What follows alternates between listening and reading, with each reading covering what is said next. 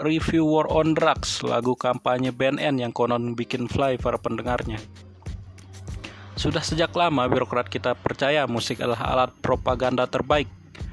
Kepercayaan ini kayaknya dijaga banget sama pemerintah sampai rela menutup mata dari pengalaman buruk lagu Jangan Mudik tahun lalu. Bermaksud meyakinkan masyarakat agar tidak mudik lebaran, lagu ini justru jadi bulan-bulanan publik karena dinilai jelek aja belum. Ia juga gagal meyakinkan orang-orang untuk tidak pulang kampung. Akibatnya, angka penularan COVID-19 melonjak tajam pas lebaran. Namun, bukan pemerintah Indonesia namanya kalau patah semangat untuk terus relevan dengan anak muda. Dan kita harus terima bahwa cuma musik satu-satunya ide yang mereka miliki. Kali ini giliran Badan Narkotika Nasional atau BNN yang bergabung ke gelanggang dengan merilis lagu kampanye anti narkoba berjudul War on Drugs pada 23 April lalu. Apa dosa kita sampai dicekoki lagu kampanye selama dua Ramadan berturut-turut? Penilaian sekilas lagu ini lebih baik, berbeda dari Jangan Mudik yang bertema organ tunggal kurang bayaran. War on Drugs bermimpi menembus target pendengar anak muda lewat balutan R&B dan beat hip hop 90-an. BNN sepertinya belajar dari pengalaman Jangan Mudik yang panen kritik karena dinyanyikan langsung oleh suara sumbang para pejabat.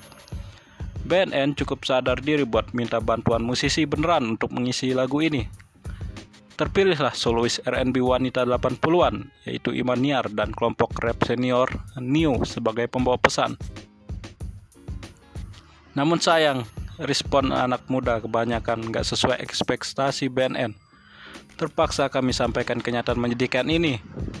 War on drugs panen ledakan warganet. Beberapa komentar mengocok perut bisa dilihat dari kolom komentar di Twitter ini.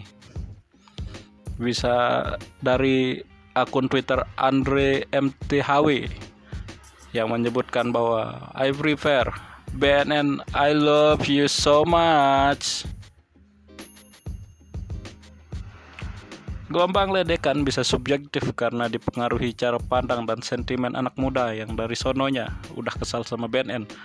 Maka udah menjadi kewajiban Vice untuk milih lagu ini secara objektif semata-mata agar lagu ini dinilai dari kacamata karya. Mari kita mulai. Para musisi di balik lagu ini. Kata orang, karya seni itu sifatnya personal Artinya, kita nggak bisa memisahkan sebuah karya seni dari mereka yang menciptakannya. Makanya, melihat pencipta lagu War on Drugs menjadi penting. Siapa tahu kita bisa lebih mengerti mengapa lagu ini terbentuk demikian. Kita mulai dari hierarki tertinggi. Lagu ini disebut sebagai kerjasama BNN dengan PT Relasindo Sinergi Utama. Relasindo adalah perusahaan sahabat pemerintah karena perusahaan ini kerap mengelola proyek negara khususnya infrastruktur. Direktur utama Relasindo bernama Amran Rusnadi. Ia adalah produser eksekutif alias pengelola dana proyek ini. Doi juga tercatat sebagai Ketua Koperasi Persatuan Artis Film Indonesia atau PARVI. Dari sini kita pantas mengernyitkan dahi dan bertanya, mengapa proyek musik negara tidak dipegang langsung oleh musisi besar Indonesia? Itulah kawan, dari sini kita belajar keuntungan menjadi sahabat pemerintah. Amran lantas menunjuk Iman Niar sebagai produser musik. Iman Niar kemudian menunjuk Iwang Nur Said, saudara kandungnya yang dikenal tergabung dengan band jazz fusion Emerald dan band rock legendaris God Bless untuk bertanggung jawab di ranah komposisi musik. Tanpa mengurangi rasa hormat atas kemampuan bermusik semua orang yang sudah kami sebutkan, Membuat lagu untuk anak muda namun dipegang sepenuhnya oleh orang-orang tua jelas bukan langkah bijak. Pandangan Pais menurut di lirik adalah lirik diciptakan oleh Imaniar bersama kepala BNN Kota Jakarta Selatan, Dik Dik Kusnadi. Isinya persis kayak orang tua lagi nasihatin anak-anaknya untuk menjauhi narkoba. Nah, masalahnya ya di situ. Lagu ini benar-benar kayak orang tua lagi nasihatin anak-anaknya untuk menjauhi narkoba.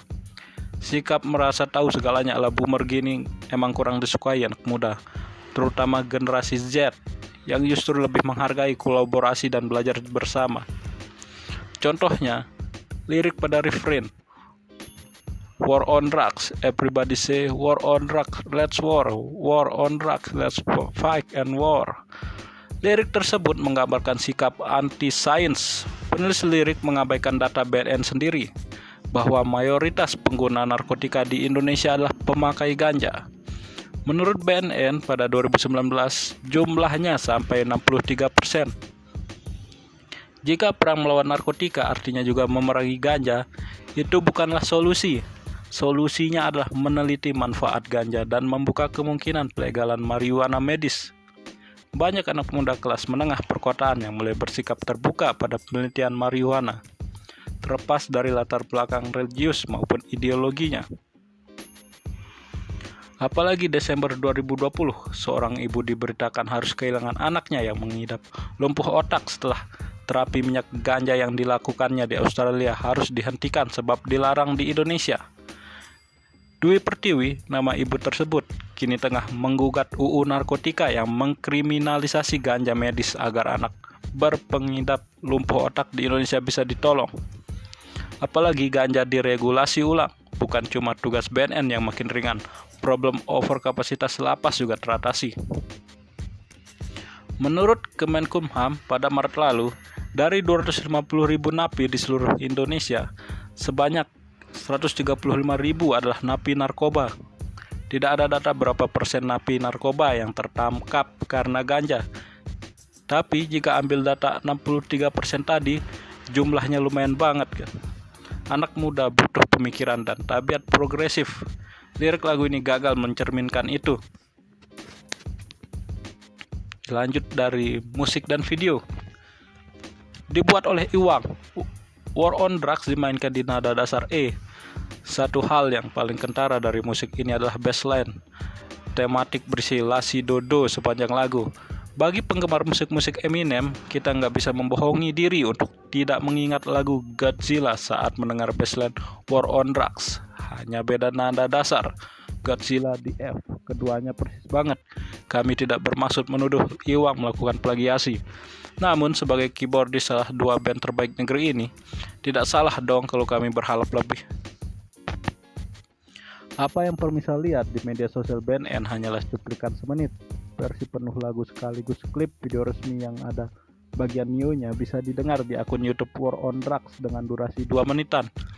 Kami harus ingatkan bahwa Anda akan melihat Amran Rusnadi joget-joget cringe di mobil. Jangan tanyakan kami apa maksud kemunculannya di sana. Kami pun bingung.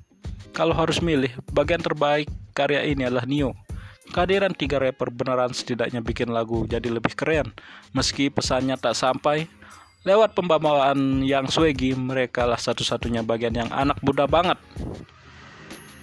Akhir kata, kualitas lagu War on Drugs jelas tidak seburuk karya pemerintah sebelumnya, terutama karena tidak menghadirkan suara sumbang pejabat.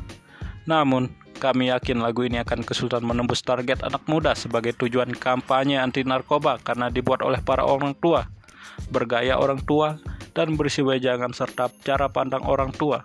Tidak ada dialog sama sekali. Kabar baiknya, itu lagu masih bisa digunakan untuk menginsafkan para orang tua penyalahguna narkoba atau minimal bisa juga diputar 24 jam tanpa henti ketahanan KPK seperti metode penyiksaan yang dilakukan si perpenjara Guantanamo ke kepada terduga teroris di Amerika Serikat. Alhamdulillah nggak jadi mubazir. Artikel ini dimuat di Vice Indonesia dengan judul Review War on Drugs lagu kampanye BNN yang konon bikin fly pendengar. Penulis Ikhwan Astanto dan dimuat pada tanggal 27 April 2021. Terima kasih, semoga bermanfaat.